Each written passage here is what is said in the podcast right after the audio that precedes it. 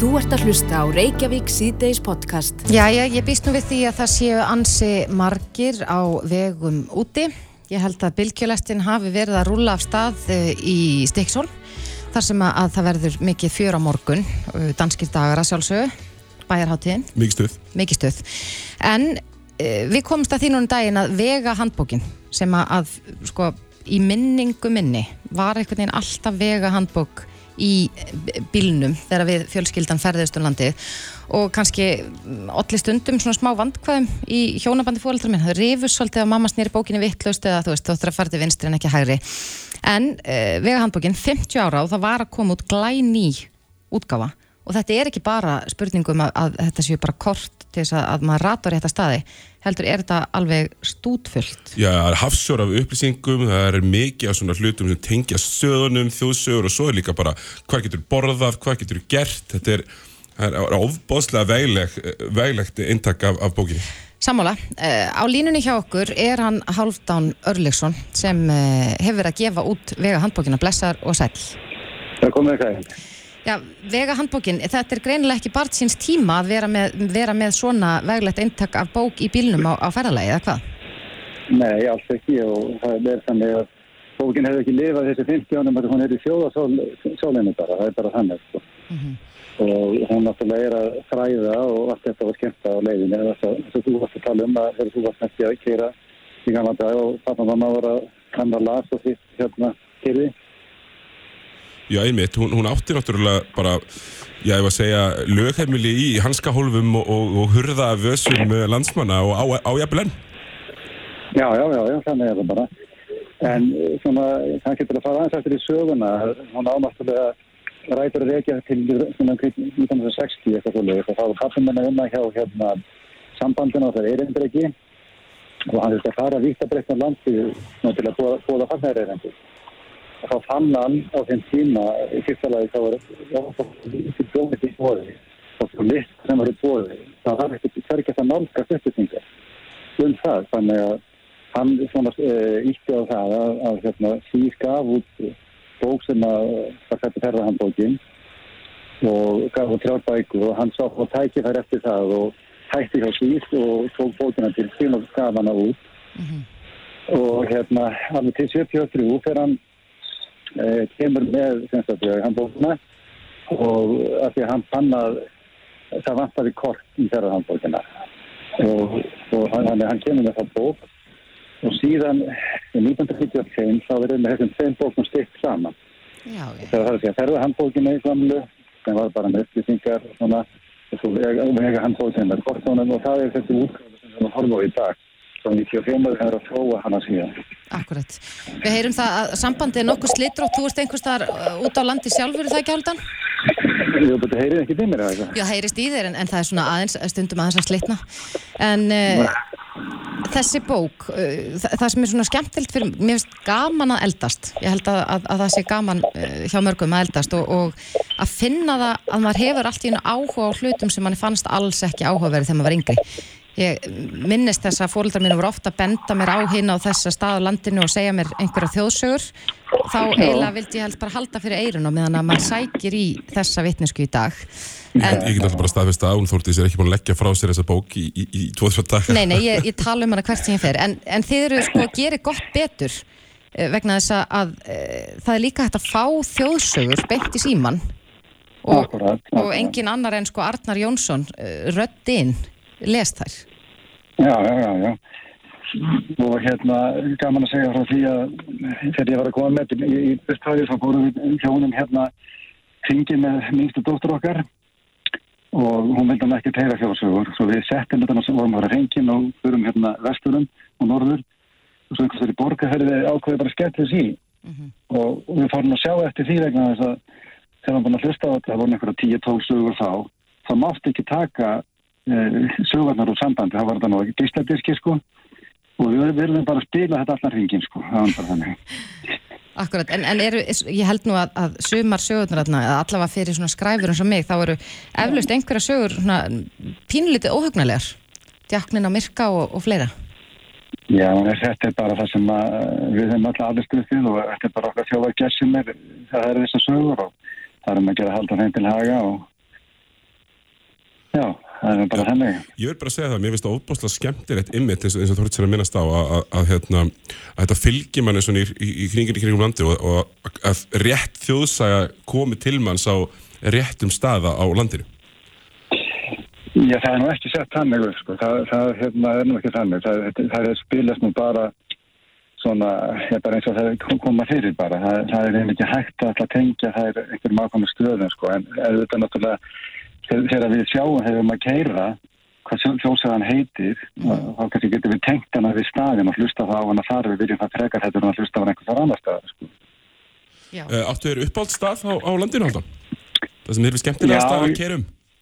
Nei, sko ég bara ég er svo mikið hérna við, við laugavatni hérna við laugardalan við, við laugavatn og það, það er mín, mín staði sko, mín staður Já, Já við en, En, en má ég kannski aðeins bara skjóta sér inn í það þegar við settum fyrir mörgum árum inn í hana sérstaklega 24 sína kortabók. Mm -hmm. vegna þess að þegar við erum að keira kannski og erum bara með blaðsíðu nummer 100 eitthvað og þá erum við með bara lítið kort af svæðinu sem við makkur að keira á. En þessi bók 24 sína er inn í bókinni og það er verið að vísa þá af kortónum, af síðanum inn í kortabókina. Þannig að þá færðu yfir sín yfir svæði, stærra svæði sem þú ætti að keira á. Já, ég skil þannig að þetta er svona spila saman. En, að, svona, já, nú velti maður, maður, maður fyrir sér haldan hvort að, að, að svo kynnslóð sem er að já, verð, að fullordnast núna, hvort að fólk yfir höfuð kunni á kort, er ekki allir bara komni með, með einhvers konar Google Maps eða annað í síman og, og, og fylgja því? Já, og þú, sko, þú sett með það í höndunum og þá ertu ekki með þennan fróðleik sem er búin að sapna saman um 3000 staði á landinu og 1000 menn verður að vætti. Og ef þú þekkir ekki til þú veist ekki, ekki, veist, ekki eitthvað að googla eftir, þá náttúrulega finnir það ekki, þarna ertu með þetta í bókinni. Mm -hmm. Þannig að ég, neina, ég sé ekki, það verist ekki vera neitt láta á þessu og bara viðtökuna núna á þessi 50 ára ammar er það frábærar, bókinni bara komin að flegin herði í, í sölu, sko, þannig að það verist bara ekkert láta af þessu. Já, og þeir sem eru uh, já, sniður og næla sér í eintaka bókinni geta sjálfsögur líka fengið uh, snjallforðið með.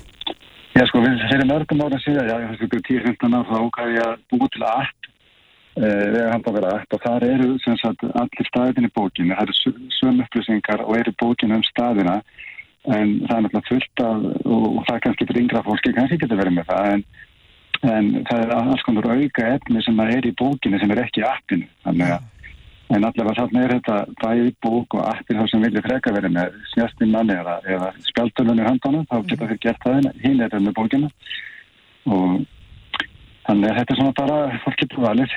Akkurat. Akkurat, uh, þakka ég kella fyrir að taka síman haldan og, og já, vonandi ganga bara ferðarlega sumarsins uh, velja þér eins og öðrum ísliting.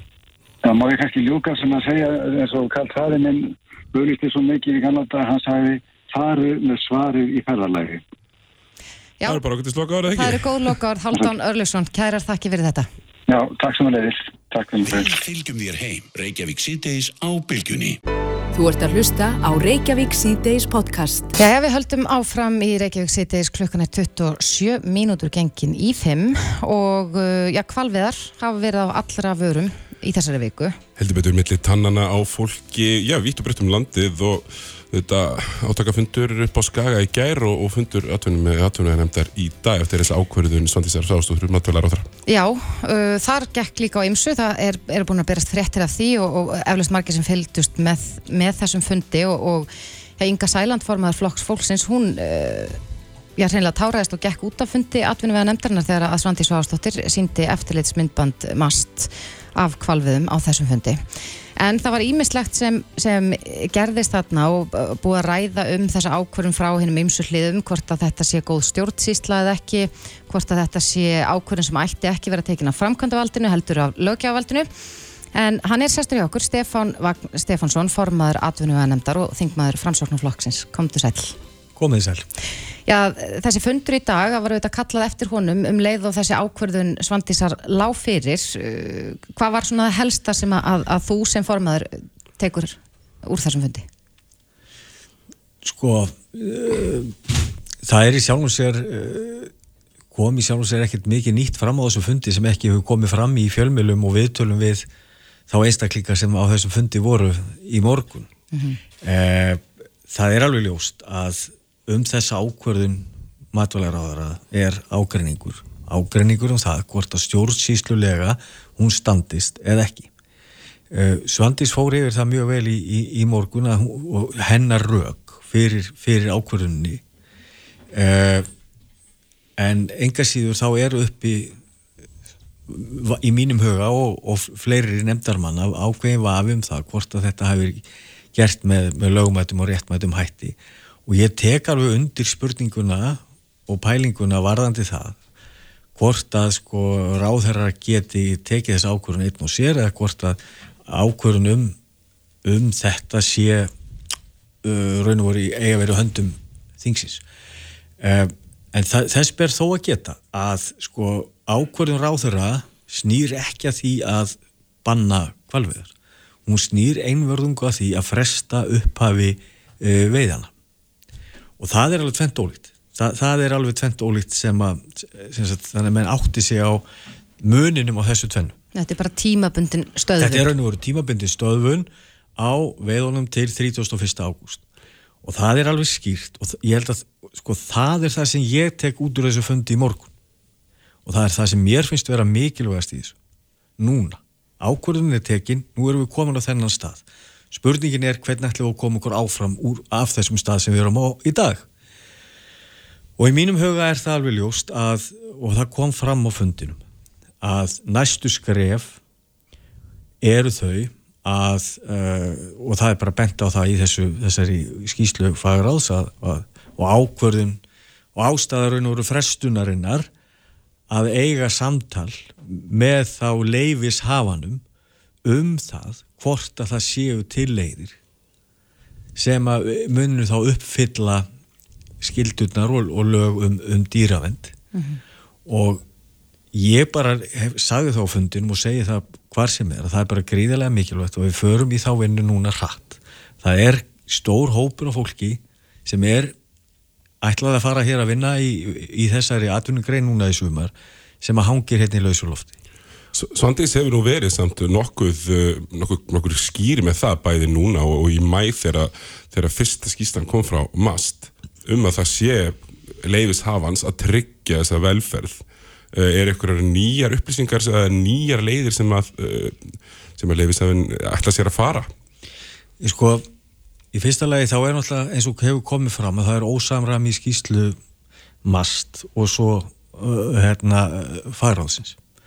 MAST talar um það að það hafi ekki verið neinn lög brotin en, en uh, fagráðið segir að, að, að þarna hafi verið gerst, eh, menn gerst brotlega við lög. Þannig að það er, það er misræmið þarna og það er alveg rétt. Það er að sjálfsögðu uh, leifis hafans að tryggja það að hlutin séu gerði með réttum hætti Eftir þeim upplýsingu sem ég hef fengið núna síðustu daga að þá er það nú bara þannig að Hvalur hefur fjárfest fyrir tölvert mikla fjármunni í nýjum búnaði á sín skip til þess að reyna að koma til móts við þessi sjónamið ráðherra um að uh, það sé sérsagt að sagt, já, þessi tími sem það taki fyrir dýrin að- heia sitt döðastrið sé lágmarkaður eins og hægt er. Þannig að það er ákveðin þróun í gangi hjá fyrirtækinu og mér finnst mjög eðlilegt að og, og bara hvet og hef kvattið þess að, að ráðunetið og þessi leifisafi setist nú saman og, og hérna reyna að finna leiðir til þess að það sé hægt að hefja þessar veiðar aftur uh, sem fyrst. Heldur að sé grundvöldur fyrir því samtali, nú hafa þetta, já, hefur ímislegt flóið í fjölmjölum núna í vikunni og, og, og eigandi kvalsaði meðal annars að, að matvælar á þeirra var öfgafullur kommunisti. Það verist kannski ekki vera mjög mikil samningsgrundvöllur eða, eða sko viðræður eh, myndu kannski bara stranda. Já, það getur vel verið að við erum þarna strandi en þú náttúrulega sko, við, við verðum samt að vera fólk til þess að taka umræð. Ég meina um það snýst málið. Málið snýst um það að, að hérna, vertiðinu var frestað og það er alveg skýrt að, og það kemur fram í þessum úrskurði að menn eiga að nota tíman til þess að reyna að finna og þróa nýjar leiðir til þess að fanga þessi dýr með þeim hætti að lögum dýravend séu hérna, þeim séu uppfyllt. Það er markmið. þannig ég vil meina það að hvorki kvalur nýja ráðunetti hafi eitthvað um það að segja annað en að þau verði bara að setjast niður og reyna að ræða sig að niðurstu í þessu máli því það hlýtur að vera vilji allavega kvals að, að, að, að þessar veiðar geti hafist sem fyrst og, og hérna ég en hins vegar gerir mig grein fyrir því að hérna að skoðun ráðherrans kann að vera önnur en það breytir því ekki að ráðherran hefur ekki hérna sett bann við kvalviðum hún hefur einfallega að fresta þeim og óskaði til því að menn finni leiðir og skoði hvort að aðra leiðir færar til þess að fanga eða veiða þessi dýr. Eh, Nú minnist á það að þetta sé kannski eitthvað sem ætti ekki að vera ákvörun eins ráðherra eldur mögulega einhvers konar, konar breyðar í grundvöldur en nú hefur það nú verið ákveðið samhljómur í þessari ríkistjórn að hver ráðherra hafi nú bara nokkuð gott og mikið sjálfdæmi í, í, í, í sínu ráðuniti en þarna verist þessi ákvörun verist hafa svona já, ef ekki segja, stríkt, stríkt mönnum aðeins saman, mönnum og konum. Ég held að þetta sé nú ekki fyrsta ákvörðun ráðherra í þessari ríkistjórn sem að stingur sko. Og, og það er alveg rétt að hérna en, en hérna en það er hérna en það er náttúrulega mikilvægt þegar menn eru í, í, í samstarfi að menn, menn hérna reyna svona að halda línunni og halda sér saman. Ég meina það er út á þá gengur samstarf að menn er að vinna saman Hvað þá er ennið út með matbálar á þeirra sem við, Svandi Svavastóttir, er ekki nýji pólitík. Við vitum alveg hennar afstöðu til kvalviða. Almennt. Ég meina það líkur alveg fyrir og það, ég meina afstæða vinstir græna til kvalviða hefur leiði fyrir og lág fyrir þegar þessi ríkistjórn var mynduð. Enga síður var það ákveðið að gefa út þessi leiði í, á tíma þessar ríkistjórnar. Þannig að hérna, þú veist, það er, það hefur verið stefna þeirra ríkistjórna sem er núna að, að kvalveða skuli hérna leifðar hér við land. Og þess vegna eins og ég sagði á, sagði á hann er mjög mikilvægt að menn gerir greinamennu því hvort ráðurinn var að setja bann við kvalveðar eða hvort hún var að, að hérna, fresta gildistöku vertiðarinnar en við skulum hafa eitt í huga sem er líka mikilvægt og, og hérna að ef að það kom ekki neinar nýjar upplýsingar eða nei, ný, ný, hérna, ný, nýjar aðferðir þanga til að, að 31. ágúst hérna rennur upp þá í mínum huga er það einbóðið að ráð þeirra mun fresta aftur vertiðinni. Mm -hmm. Þannig að sko ef, það er það sem ég er að reyna að segja hér er það, ef að menn finn ekki upp þessan aðferðir sem við geta sætt sér við að séu hérna þannig að það er uppfyllið umberðað lög þá er útsið með það að, að hérna, veiðunum verður ekki framhaldið. Nei, heldur þetta verði, að ég bara, maður býst við því að þetta verði nú til umræðu á, á næsta þingi, bara sko eh, framtíðin með þessa atvinnugrein? Vonandi.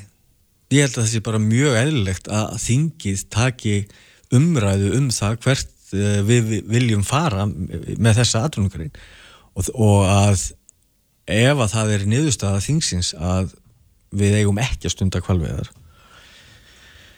ég meina þá er, þá er það risa ákvörðun að leggja hér niður eina atunungrein mm -hmm. þannig að það finnst mér alveg einbúið að, að alþingi verða að gera en ekki, ekki einn ráðar eða eitt ráðunetti Akkurat. Já, einmitt, en, en nú þegar að kvalveðar voru var, þegar kvalveðar voru nýju, það var það nú einmitt ráð þeirra sem tók það ákvörðun Já, já, það er alveg rétt Akkurat.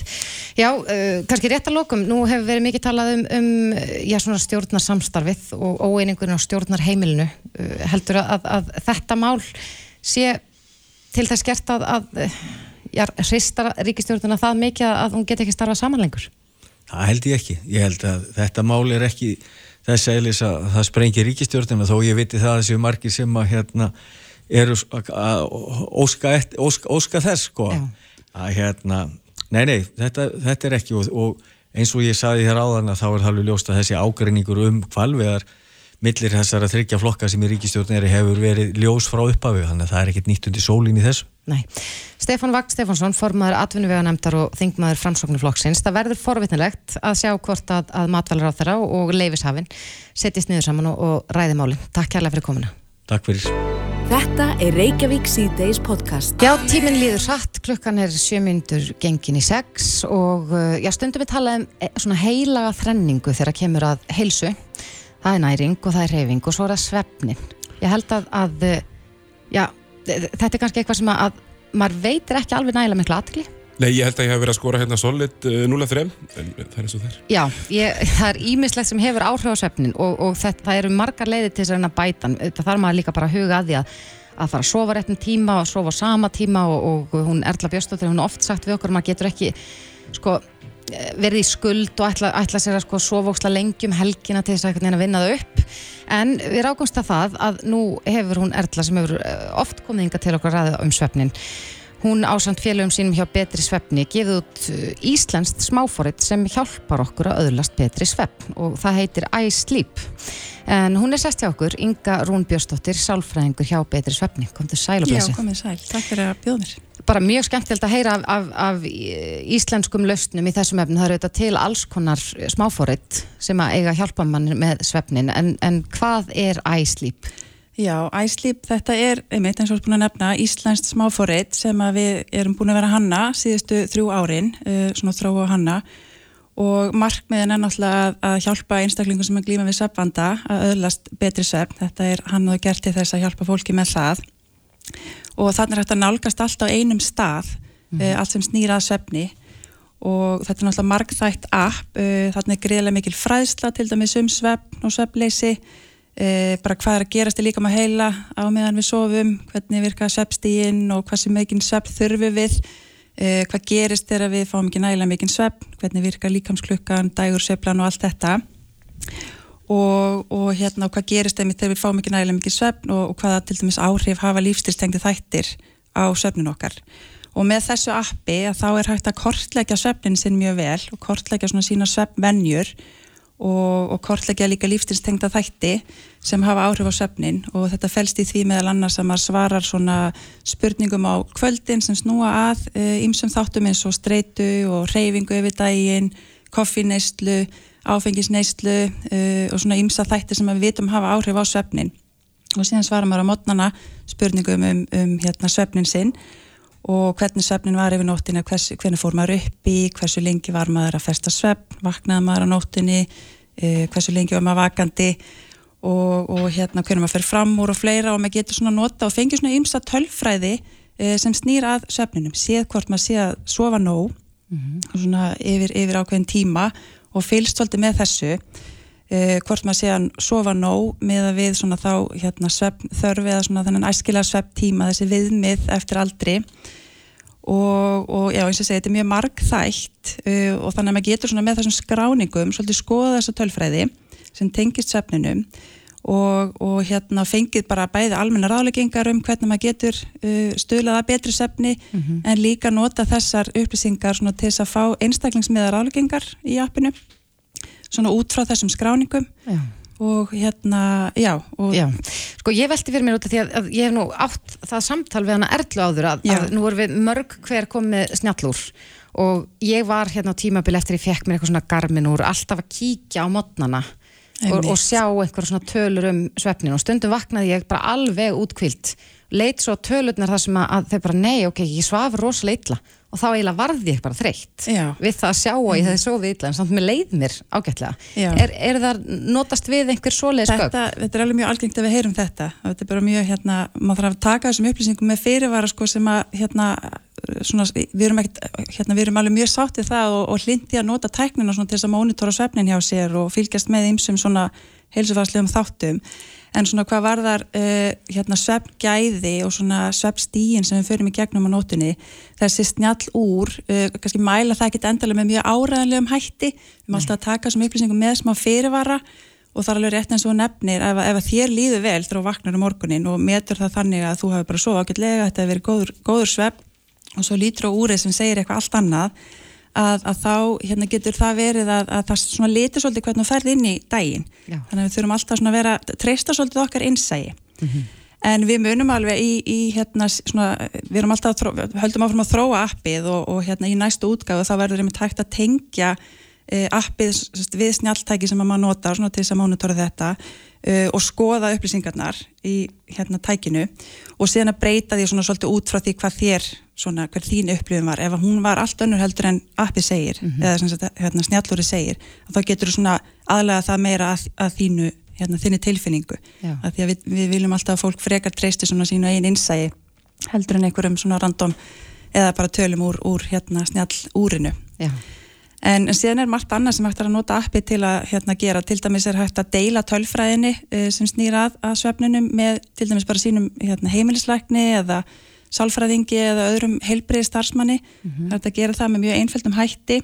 Þannig við sjáum fyrir okkur að þetta getur verið mjög mikilvægt í samstarfi við heilsugæstuna og, og hérna lækna og sálfræðinga sem vinna með skjólstæðinga sem að glíma við svefleysi og svefbanda. Hversu algengt er það að vera með sveppbanda? Er það algengar að maður heldur? Það er alveg algengt. Eh, Flestir glíma við svefnleysi einhver tíman yfir æfina, skamvind hérna svefnleysi, en, en svona tala um að þriðjungur, uh, þriðjungur fólks upplifir svefnleysi einhver tíman yfir æfina og hjá svona cirka 10-15% þeirra það þróast yfir í svona langvarandi svefnbanda.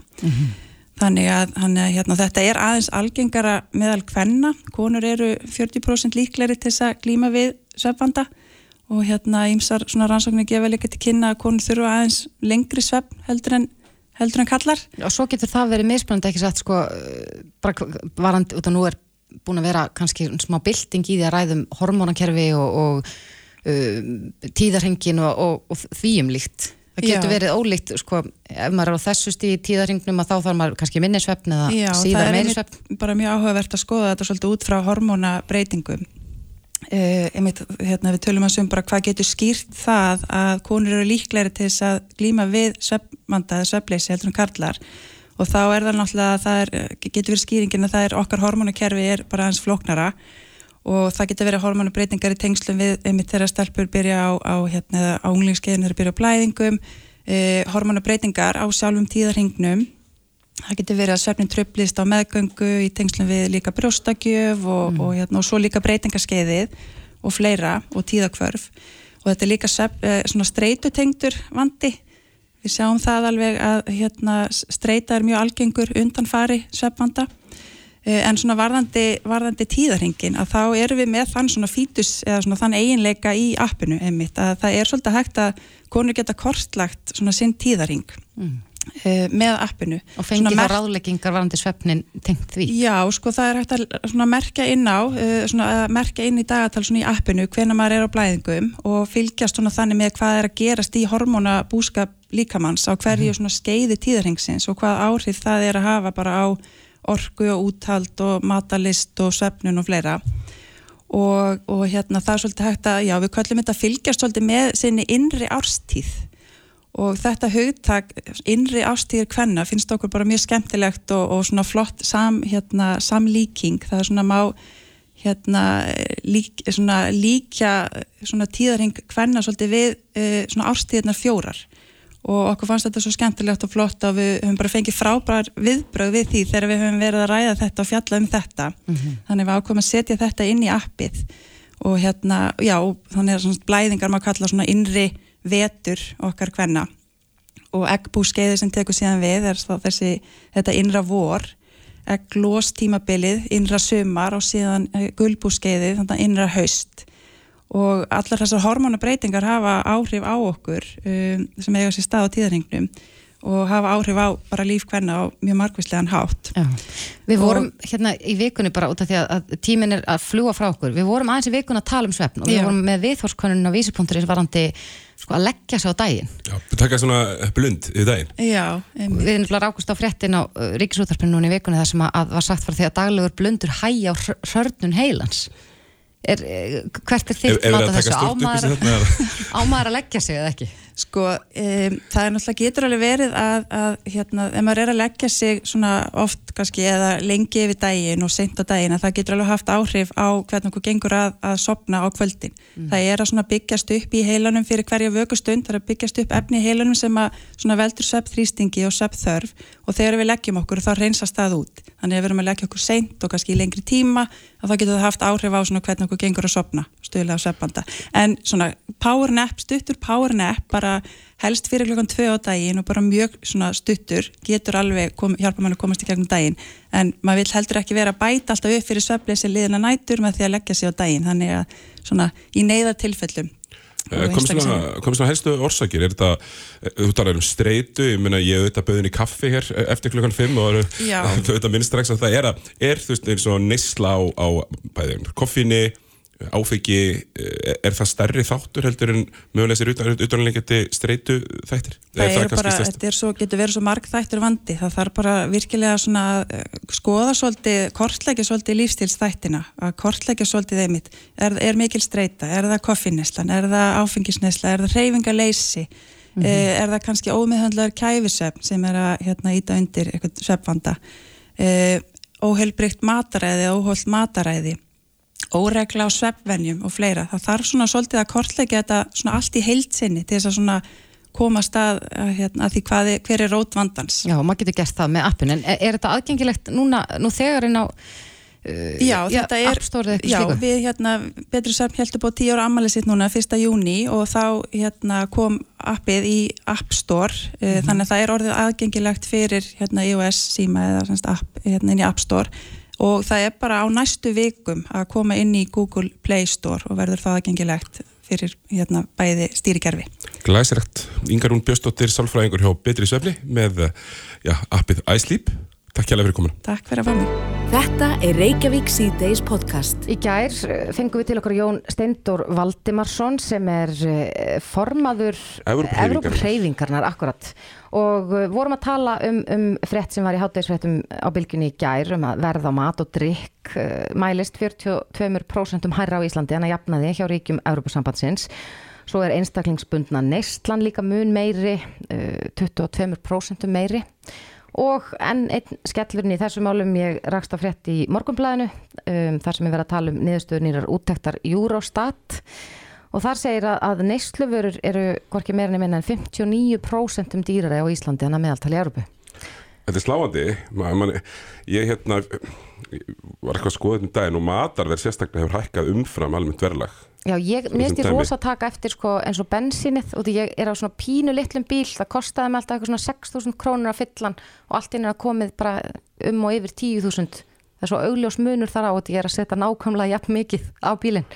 Þar eru er sveiflundar líka mjög miklar sko. þar voru við náttúrulega upp í hæstu hæðir fyrir, fyrir nokkur mánuðum sko. Akkurat, en til þess að ræða þetta og jafnvel að gefa okkur nokkur góð ráð þegar hann sestur hérna hjá okkur Björn Berg Gunnarsson, fjármálaráðgjafi. Kom til sæl að blessa Komið sæl. Já, það gefur kannski auga leið að þegar maður les svona fréttir þá svona, oh, af hverju býr maður hérna? Eða er þetta ekki ósangjarn Já Já, já, nei, nákvæmlega. Og það er, þetta er svo sem ekkert nýtt heldur sko, þetta nei. er, það sem er kannski nýtt er bara að, að, að þetta er nýjasta fréttin um já. þetta, en þetta hefur verið auðvitað umræðin á Íslandi held ég bara alla tíð. Ég held að fyrst í landmannsmaðurinn hafi líka alveg hugsað af hverju er ég komin ykkar, hvað er ég að gera hérna? Og það hefur alltaf allt kostað mikið. Og það er ímsar ástæðu fyrir því. Auðvitað er alveg hægt að fara í eitthvað eins og bara það er langt að fara með vörunaringað og það er dýrt og og, og við erum lítill markaður og það er erfitt að, að, að framleiða hluti hér að einhverju starðarhæg hvernig þannig þessu ódýrir. En svo er þetta líka bara það að um, farið til bandaríkjana það er ekki sama verð, þú borgar ekki sama fyrir steikina í Washington DC eða í Missouri. Mm -hmm. það er bara allt, allt annað. Það er að meðaltali tvöfalt dýrar að fara út að borða hinum við landamærin sagt, við Monaco í, í Fraklandi en í Monaco mm. þetta er alveg að sama þetta er alveg sama ráöfni, það er allt eins. En af hverju þessi verðmunur, af hverju ofbúslega mikill munur á því að fara út að borða í Luxemburgi í Portugal þetta er það er margt inn í þessu sem viðbótar við þetta nefnilega sem ég var að nefna. Og eitt af því er náttúrulega bara kostnaður við, þess, við það að koma maturinu upp í okkur mm -hmm. eða að koma hérna fötunum í yngöpupókan ja. og það er ímislegt, það getur verið reynilega bara leiguverðið í húsnæðinu sem að er að afgreða, það getur verið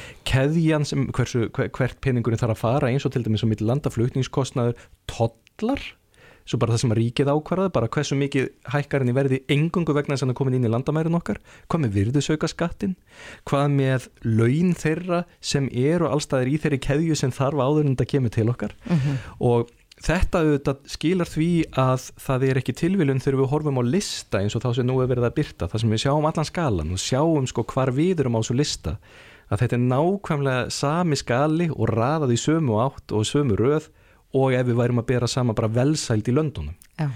og þá er þetta þannig að því hærri sem meðalögin eru því betri sem, meiri sem kaupmáttur er því betra sem að borgarinir hafa það fjárrakslega, þeim er dýrar að verðu varan. Og, og það auðvitað vegu mjög þungt. En eins og segi, það hefur líka mikil áhrif bara á, á hvaða ákvarðanur eru teknar varðandi ofnbyrg gjöld og annað. Já, en, en svo hefur verið talað um að, að til dæmis eins og þessi einstaklingbundna neysla, það er einhver tala sem að, að, að sko, erlendi ferðamenn eru inn í þessari tölu. Og, og uh, það kom fram í, í þessari skýrslu efnaðs og framfara stopnunar, stopnunarinnar að uh, já, hvergi í heiminum eru fleiri ferðamenn á hvern íbúð en hér. Er, er þetta að skella skuldina einhver leit á ferðamennina en, en þeir eru samt líka að auka velsæld okkar? Komið mikið peningin í landið? Já, og þeir hafa nefnilega áhrif alveg í ýmsar áttir sko. auðvitað er það þannig að, að mikill fjöldi ferðamanna uh, eigur eftirspurn eftir uh, húsnæðinu sem að uh, notaði til, að, til þess að, að afgreða þannig að það getur verið að leiguverða á veitikastöðum og, og, og slikt séu þetta hæra sem því nefnur vegna þessar eftirspurnar. Það sem hefur mjög mikil áhrif og, og bein áhrif vegna komu ferðamanna hingað er að þeir koma hingað allir með, allir með vasana fulla af eurum og dólarum og hvað það er og skipta því í krónur og styrkja þessna og styðja við krónunu okkar.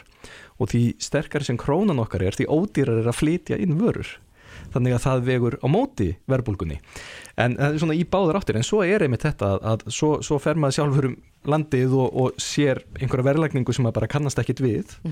Og, og það getur auðvitað verið misjamt sko, kannski er verið að okra einhverstaðar kannski er þetta vegna þess að það er bara hreinlega orðið mjög dýrt að hafa fólk í vinnu við að afgreða það er bara miklu dýrar á Íslandi nánast allstaðar annar staðar. Það getur líka verið vegna þess að það er bara hefur þurft að fjárfjasta þarna mikið og mikil kostnaður við þessa þjónustu sem, sem er þarna á staðnum. En þessu held ég að hver og eitt smásulaðili þurfi svolítið að svara fyrir sig. Já. af því að auðvita getur líka verið þessi mikla eftirspurn og þessi mikli fjöldi útlendinga sem verður auðvitað borðað einhver staðar að hugsanlega eru einhverjir að reyna að nýta sér það freysni ástand Það getur svo sem alveg verið, maður útilokar það ekkert. En svona heilt yfir að þá er, þá er okkur eða eitthvað svoleiðis ekki ástæðnar fyrir því að allt hefur verið að hækka hérna og, og að verður eins og það er í samanburði við önnur lönd. Nei, það mann er oft velt fyrir sér sko, þú minnist nefnitt á Monaco og, og að fara bara, þú veist, í, í næsta bæ Monaco og svo fyrir til Antibó, það er allt töfald dótirara en þetta er einhvern veginn, og- eða Washington DC og Missouri, Já. en ég meina ef þú ferð að uh, kaupa þér að borða í, í búðinni í Reykjavík versus búðinni í, uh, segjum bara Þingeri, það er dýrar á Þingeri Já, já, Þa, það er svona einhvern veginn, Já, já. hvernig útskýrir maður þetta einhvern veginn? Það er dýrari að kaupa þessa hluti út á landi á Íslandi Já, já. þegar manni finnst að vera að verða ódýrara þegar maður fer út fyrir borginnar, í, bara í bæði Európa-Vöndaríkjum. Ég man eftir þessu sko, ég var að fara að, að spila í fótbolt held ég á Hortnafyrði fyrir var, 15 árum eða eitthvað, stoppuðum í einhverju sjoppu, þar kostaði fjólublár marút, eitthvað 850 kallið eitthvað. Og þar sem við stóðum og vorum að stara á þetta þá hrópaði hérna starfsmæðurinn á okkur, hún var sko vond, hún sagði þið eru ekki í skeifunni strákar. Það voru skilabönd það var já já ok. En það er náttúrulega líka bara stærðarhækvæmni. Það, það er uh, hver starfsmæður og hver fermendir nær kannski annar meiri viðskiptum. Þar sem eru fleiri heldur en á, á minni stöðum. Já, og svo kannski flutningskostnar þar ofan á og eitthvað fleira. Flutningskostnaður og bara allt það sjálfsög Já. En síðan velti maður í fyrir sér sko út af því að, að síðan, te, já ég veit ekki hvort ég ætla að vera eitthvað mjög, mjög pólitísk með þetta en, auðvitað tökuðu síðan þátt í, í öllu þessu. Já. Um, Lilja Katrín Gunnarsdóttir, kollegi okkar hérna bylginni, hún saði frá því um daginn að hún fór og kefti sér 2 lítra af mjólk í verslun nokkuri. Það kostaði 898 krónur. Ef maður heldur alltaf áfram að kaupa sko mjólkin á 450 kvart lítirinn og, og pælir ekkit í því þannig séð Já. að þá er kannski lítill kvati til þess að vera með meira aðhald hvað þessar verðþækkanir varðar. Já, þetta er bara alveg risa punktur og mjög góður og varðar það hvernig við viljum vera sem neytendur, algjörlega og það er allur skalinn til Já. það er ólíkir uh, þjónustu flokkar verslanir eru mislengi opnar og með mismikið úrval og allt það. Og það er alveg hægt að versla ódýrt eða mjög dýrt í matinn. Og við verðum að stilla okkur að miða við þetta líka sjálf. Og þetta er eitt af helsta sem við getum nota til þess að vega á móti þessari verðbólgu sem er búin að vera. Það er annars vegar það að vera bara meðvitaður um það að vera versla á ódýrari stöðum eða tímum eða ódýrari vörur en líka hliðra til neyslunni okkar. Þannig að við skoðum vöru, einstaka vöru flokka og það er oft gaman þegar maður gefur sér tíma til þess að rýna í verðbólgun, þetta er allt saman ofinbert og það er þetta nálgast allar þessar upplýsingar. Hversu mikið hefur hverju einn vöruflokkur? Hækkaði eða lækkaði að undarförnu hækka náttúrulega aðalega og við getum, við þurfum ekki endilega, nöðsynlega að fylgja þessari verðbólgutölu við getum reynd með því að stilla hvernig við neytum og hvernig við höfum okkur þá getum við dreyið mjög mikið úr okkar persónulegu verðbólgu. Erum við með Harry Tolla hér á landi? Nei, nei, við erum nú bara svona voðalega svipuð en, en uh, þetta eru bara ákvarðinir fólk skoðu, það þarf, það þarf ekkert uh, risastórt skref til þess að við bara ákveðum einhliða annum einhverju tolla. En tollapólitíki er voðalega sérstök alþjóðlega vegna þess að það gerir engin eitt slíkt að hans að fá einhverju móti sko. og það, þessi lönd sem við erum í viðskiptum við og erum með, með, með, með tolla sambönd svona við að, að þetta gengur eiginlega alltaf í báðar áttir þannig að enn það sem við höfum kannski verið svolítið duglega við, bæði í gegnum samstarfu okkar við, við Evrópu en líka við mörgundu löndir reyna að semja svona um einhver aflýtningar á tollum eða draga úr tollum við hinn og þessi löndin. En, en tollar eru líka bara fjáröflunarlega fyrir ríkisjóð þannig að ef við fyrum að leta mjög mikið á tollum þá er spurning hvað gerist á móti, hvort að mhm. vaskurum verður bara hækkaður eða hvernig það er allt saman. Já, en það er nú búið að vera að tala uh, já, viður einhverja hugmyndir sem er skilst að síðan og ekkert endilega nýjar um að uh, virðisaukarskattur á ferðarþjónustu væri færður í evra þrepp myndi það skila miklu tekjum í ríkiskassan að miða við kannski fjölda ferðamann sem er hérna landi núna Sko ferðarþjónustan er grein sem er uh, tiltölulega næm fyrir verðbreytingum. Mm. Þannig að við sjáum það til dæmis á því hvernig krónan hefur sveiplast. Ef að krónan er orðið mjög sterk þá dregur það úr áhuga uh, ferðarmann til þess að koma hingað. Vegna þess að uh, þeir eru bara að hugsa í sinni mynd og þegar það er orðið dýrara fyrir þá vegna þess að krónan er orðin sterkari þá kannski eru þeir ekki að velja hérna í slengi þeir velja sér þá kannski jætvel, já, velja þá kannski bara einhverja aðra staði fara einhvert annað í staðin fyrir að koma hingað og eins og vart síðan eftir hrun þar sem að, að, að hérna krónan hafi veikst talsvert, mm -hmm. að þá hjálpaði það okkur svolítið við að byggja upp uh, þessa grein eins og hún varð. Það að hækka virðsökaskatt er bara sami hlutur og að krónan sé að styrkjast já. það er að segja að það er bara að gera Ísland dýrara í augum ferðamannina og við vitum ekkert hvort það mun skila sér allt saman í ríkiskassan eða hvort það mun bara fækka uh, ferðamönnum þannig að það skilja sér bara ekki neitt. Já. það gæti alveg verið það, þetta er mjög næm grein fyrir öllu svona lögu Akkurat, en, en uh, ég heyrði nú eiginlega svona ráleggingarnar þínar hérna áðan og, og uh, já, ef maður horfa á þessar tölur og svona aðeins að pyrra sér við því að, að neyslu veru séu 59% dýrari eða, eða matvara séu 42% dýrari uh, er þetta bara spurning um að vera vakandi og, og vera sérst, meðvitaður neytandi að til dæmis, ég get tek dæmið úr eigi lífi, ég er alltaf að lendi því bara svona, nei, heyrðu, það er hérna spari næsta morgun, þá trítla ég út í krambúðuna ef ég hefði hugsað um það fyrir um daginn þá hefði ég kannski farið í bónus. Já, já. Þannig, og þar spara maður sér pening. Já, já, það er alls konar svona. Þetta, þetta er bara einhver hegðun sem að temu sér. Það er eitt dæmi til dæmis, segjum sem svo að við setjumst núna bara niður öll þrjú og við fyrum að pæla hvað þarf ég fyrir næsta vetur? Það er í skópar, það er í kannski úlpu, er eitthvað svona sem þarf? Uh mhm. -huh. Nú, já, þá skrifa ég það niður og mann það og svo næst þeirri útsala þá kaupið það þá frekar hann á fullverði þetta er ekki erfitt eða flókið eða mikið málum að það bara svona kveikja á perunni snemma og spara sér kannski 40% eða hvað það er. En, en fólk gerir þetta ekkit endilega? Nei, en sumi gerir þetta og það munar um það En já, það þarf kannski aðeins, það þarf aðeins að íta á mann og kannski er þetta ástand og þessi mikla verðbólga nóg til þess að íta við ansi mörgum. Mm -hmm. Ég er mhm. alveg vissum að, að það eru margir færðir að glíma svolítið við heimilisfjármálinn og reyna að finna og er að spyrja sig að þessu, sko, hvað get ég gert til þess að laga þetta aðeins? Hvernig kemst ég getið næstu mánuðamót? Þetta er ekkit endilega einhver törulöð sem breytir öllu en þetta er á ansi margir þúsungallar oft. Já, og, og ég hef nú einhvern tíman heist sögur af fólki sem hennilega mætir sko janúar útsölur ja. til þess að kaupa jólagjafir fyrir næstu jól Af hverju ekki? Sýstir mín er akkur að tanna Nei, sko. þetta er þetta, ég meina desember er, er örgulega dýrasti mánuður ársins hjá flestum við erum að kaupa alla jólagjafir og, og svo að halda hátíð og allt þetta, ef maður dreifir því nýra marga mánuði þá er þetta ekki eins mikil skellu fyrir mann sko. Nei, nákvæmlega, og svo kannski eitt, eitt vegna þess að nefna þetta sem skiptir gríðarlega miklu máli er það að vextir eru orðin svo háir á Íslandi að munurinn á því að sapna fyrir hlutunum eða því að taka lán fyrir þeim er orðin svo mikill. Þegar vextur eru mjög lágir þá borgar þú til til að líti fyrir það að, að, að sko kaupa eitthvað og þurfa síðan að borga þetta baka það er að segja greiðsludreyfingu mm -hmm. en þú færir líka til til að líti fyrir það ávægstapenningin eða þú ert að sapna honum. Núna eru vextir orðin þetta háir að þú færir bara til að vel borga fyrir að geima penningin í krónumtalið og þú borgar svimandi háar fjárhæðir fyrir því að dreifa reikningum.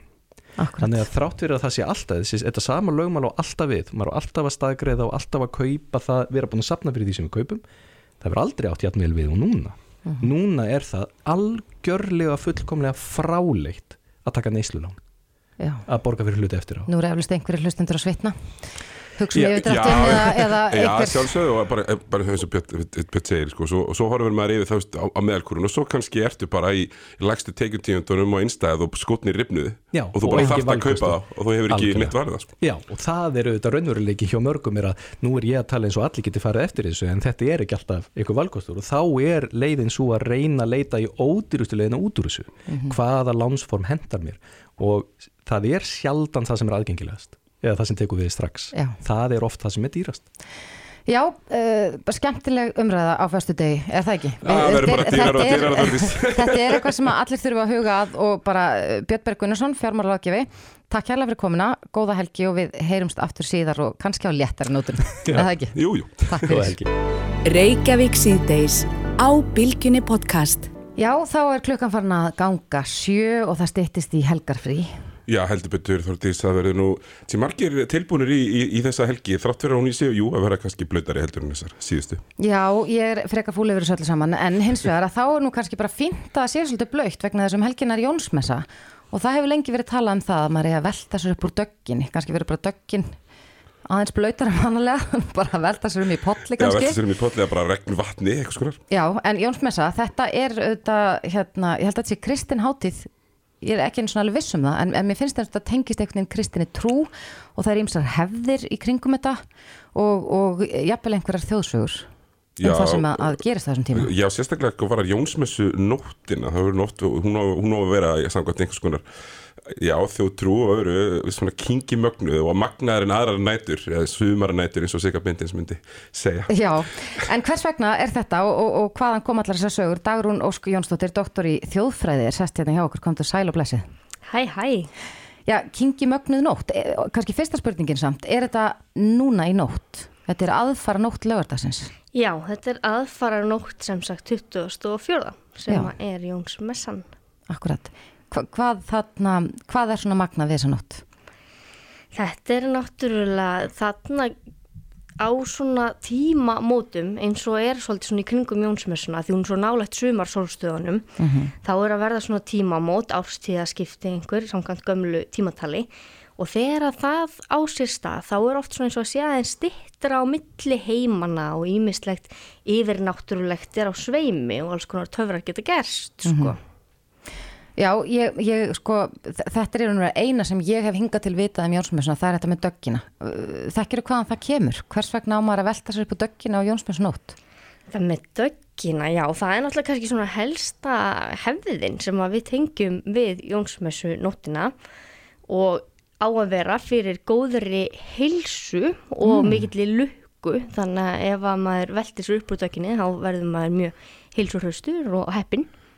Akkurat. En þessir, eh, já, þetta tengist auðvitað sumarsólstöðinu sem voru bara núna í vikunni og, og þ- aðrar þjóðir halda líka upp á Jónsmessu. Ég einhvern veginn tengi þetta rosa mikið við svíþjóð og dansi- blómakransa. Já, dansi kringum svona hérna, súlu með svona borða ég, ég sé það fyrir mér á svona Jónsmessu, er það ekki, er það ekki réttum myndar? Jú, algjörlega, það er erlendi, svona mi- rauninni kannski stærri svona sumarstólstuðu hátíðir þar núna heldur en hér, af því að núna erum við, já, kannski ekki jafn mikið að fagna þessum tímumótum. En Þú segir stýttir á milli heimana, erum við þá að tala um að, að það, þetta hefur verið tíminn þar sem að já, mögulega gátu menn og þá hálfar eða huldufólk eh, tala saman og séð, séð hvort annað. Sko, Jónsmessu, það er ímessari þjóðtrú sem að tengist Jónsmessunóttinni. Það er svona, þá eiga töfra steinar að fljóta upp úr vötnum, þannig að það er tilvalin tími til að fara út og leita óskasteinum líka á Jónsmessunóttinni. Kýr geta líka talað á Jónsmessunótt. Akkurat. En það er mjög mikilvægt að reyna ekki að hlusta sko, að því hver svo sem að heyrir kýrnar tala missir vitið. Þannig að maður þarf að passa sig. Já, maður má ekki heyra í þeim. Nei. En, en, en þannig að það hefur verið einhver sem misti vitið sem sagði fyrst frá þessu. Já. Hún er svona raukhugsunum mín að fara í gang vegna þess að já, ef einhver hefur heyrt í þeim og sagt svo frá því, hann hafi heyrt í þeim, að þá hefur sá hinn sami verið búin að missa vitið. Já, Eða eða, einhver hvað? hefur, eða einhver hefur séð einhvern heyra ef við erum bara nóg langt frá og ekki heyrt sjálfur. Já, ég veit ekki alveg hvernig maður sér fólk að heyra, er ekki nema að maður sér svona, svona einhvern veginn að glenna út eirun og já, áhugavert, það er alls, alls konar þjóðsögur, ég las nú um það að sko, þetta, maður eigi, maður geti læknast af ímsum kvillum með því að velta svo upp á dögginni og inn á einhverju síður sem ég uh, rak, rakst inn á, að þá segir, glýmir þú við kvilla á borð við kláða, graftar, bólur eða ástleysi er Jónsmessunóttin upplöð til að ráða bóta þeim meinum? Er það þessi kingi magnaða dögg í bland við nóttina sem á að gera það verkum að maður já, læknist? Já, maður er náttúrulega sko nakin að velta sér upp úr döginni þannig er ég geti ímyndað mér, já það er skilda sko, Já. maður verður að vera nakin þegar maður rúlar sér þarna um í grasnu Mhm. e, þannig að það alveg passar ágætlega það er að lækna manna ímis konar kláða og húð hérna vandamálum Akkurat. og náttúrulega svona sumar sólstöðunar og vor og sumar tíminn oft tengdur við alls konar frjósumisháltíðir líka þannig að það myndi alveg passa ágætlega sko Þannig að þú getur sleppt stefnumátafórættunum og bara vaðið í döggina. Nákvæmlega, maður bara fara og velta sér nakin upp á dökinni það er spurning hvernig fólk myndir samt taka í það ef maður væri bara á, á klambratúni eða eitthvað slíkt Já. já er í laugardalnum maður fer kannski bara á eitthvað svona aðeins já, afskektar í stað Algjörlega, til þess að gera þetta Nákvæmlega, það er líka að tala um, um hérna, lækningajurtir. Nú er þú, Darun, með náttúrubarnaskólan til dæmis. Uh, eru þið að skoða svona viltar jurtir og svona þeir sem hafa ákveðin, ákveðina náttúru og svona, já, mátt, má segja. Já, við erum að gera það. Ég er með sérst náttúrubarnaskóla á Ströndum sem er svona námskeið þar sem við erum að skoða náttúru, túlkun og læsi í bland við mikið af þjóðfræði og þjóðsögum og það er fullt af plöntum á Íslandi eins og náttúrulega annar staðar sem eiga að hafa einhvern svona sérstakann lækningar mátt og við erum alveg að pröfa að týna eitthvað svo leiðis og segja úða í svona te og eitthvað til að, til að drekka. Blóðberg og marjustakk og eitthvað svona. En þetta er náttúrulega svona kingi mögnunin í nóttinni. Hún líka magnar upp allar þessar lækningar jurtir þannig að þær virka enn betur en áður ef að þær eru týndar á þessari mögnuðu nótt. Já, erum við að færast fjær náttúrni hvað þetta var það? Nú, nú man ég bara eftir því þegar maður var barna þá var mikið um eitthvað svona fjallagrös og annað og, og svo var þetta eitthvað lúpínu seiði sem að, að, að var nú til sölu lengi vel. Erum við, hætt, erum við bara farin að fara til apotek og, og retta okkur þar í staðan fyrir að ég líta til náttúrunar? Sko mér stefnir svo undanfærin ára við sem að færast aftur tilbaka svona aðeins í alls konar svona náttúru pælingum og núvitund og tengingum og hérna með voða vinsælar kakóserimóniur fyrir hérna nokkru síðan og eitthvað svona. Ég held að sé að vera pínu eitthvað svona aftur hvarf líka. Sko. Já, svona einhver hugafarsbreyting kannski. Já.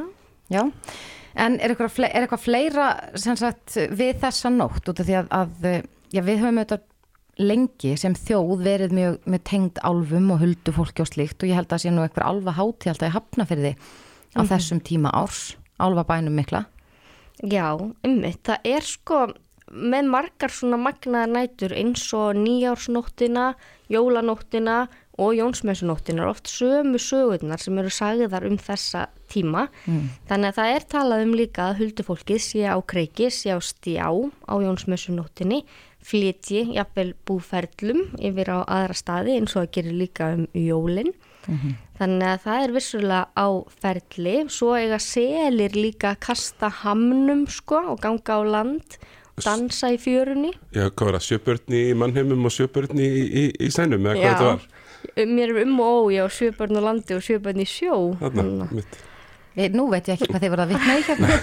Nei, hérna, eins og, eins og Darra segir, þá selir, kasta hana, þegar selir eru vist með mannsaugu, Já. Já, já. þannig að það á að vera ekki að vera einhver millifarsla hérna á, á milli. Já, sko, selir eru í raun og veru mannfólk eh, samkvæmt íslenskum þjóðsögum Já. og á ákveðnum tíma árs, til dæmis á Jónsmessunni, þá geta þeir kastað hamnum, farið úr selshamnum og dansa þá nakin í fjörunni alla nóttina og svo morgunin eftir þá reypaðu við hamin aftur og henda sér aftur út í sjó. Já, þannig að maður ætti að vera að, að fylgjast með fjörunum. Já, en svo getur það endað illa, sko, eins og einmitt í þessari þjóðsögu sem að við vorum að vitna í, sem að segir einmitt frá manni sem að kemur að hópi fólk sem er að dansa í fjörunni og tekur einn selshaminn og svo þegar selirnir alltaf aftur að stinga sér í sjóin þá verður þar eftir ein kona sem að finnur ekki haminn sinn sem hann hefur tekið og hann tekur hana með sér heim og giftist henni og eignast með henni sjö börn en hún er nú svona heldur á því að vilja komast aftur heim til sín og eitt skipti þegar hann fer út þá finnur hún hvar hann hefur falið haminn og hleypur með henni í fjöru og fer svo með þessa vísu að hún kastar sér aftur í sjóin. Það hljóma svolítið eins og, eins og okkar einn uh, útgáfa af litla hafmeðinu, nánast. Já, svona það ákveð, ekki? Ég meina, ákveðin það var bara hammea sem að fer á land og Já, nema selurinn vill ekkert vera á landi eins og nei. hammeðan vildi sko. Nei, akkurat. Já, þetta er skemmtilegt. Ég held að við ættum að- vera duglegri við það að rifja upp íslenskar þjóðsögur og það er nú skemmtilegt frá því að segja að áðan rættu við við mann hann Hálfdán uh, sem var að gefa út vegahandbókina og í vegahandbókinni eru fullt af þjóðsögum, þetta er svona mjög einfalt skannar QR-kóða og, og engin annar en Arnar Jónsson sem les þær. Þannig að ég get ekki ímyndað mér betri skemmtun í bílnum á ferðalegum landi heldur en að hlusta á íslenskar þjóðsögur á þeim stað, þetta er svona staðsetningabundið þannig að já, þetta var bara svona smá innlegg. nema ef skekkin að hlusta á Reykjavík síðis Já, akkurat, við erum bara að tala með eftir klukkan hálf sjö auðvitað. Já, Dagrún Ósk Jónsdóttir, ætlar þú að velta þér upp á döginni? Já, við sjáum til ef Sjáum ég finn einhvern afskektan stað. Já, akkurat, Dagrún uh, doktor í þjóðfræði, kæra þakki fyrir komuna og uh, bara góða skemmtur um helgina Takk Hlustaðu hvena sem er á Reykjavík síðdeis podcast.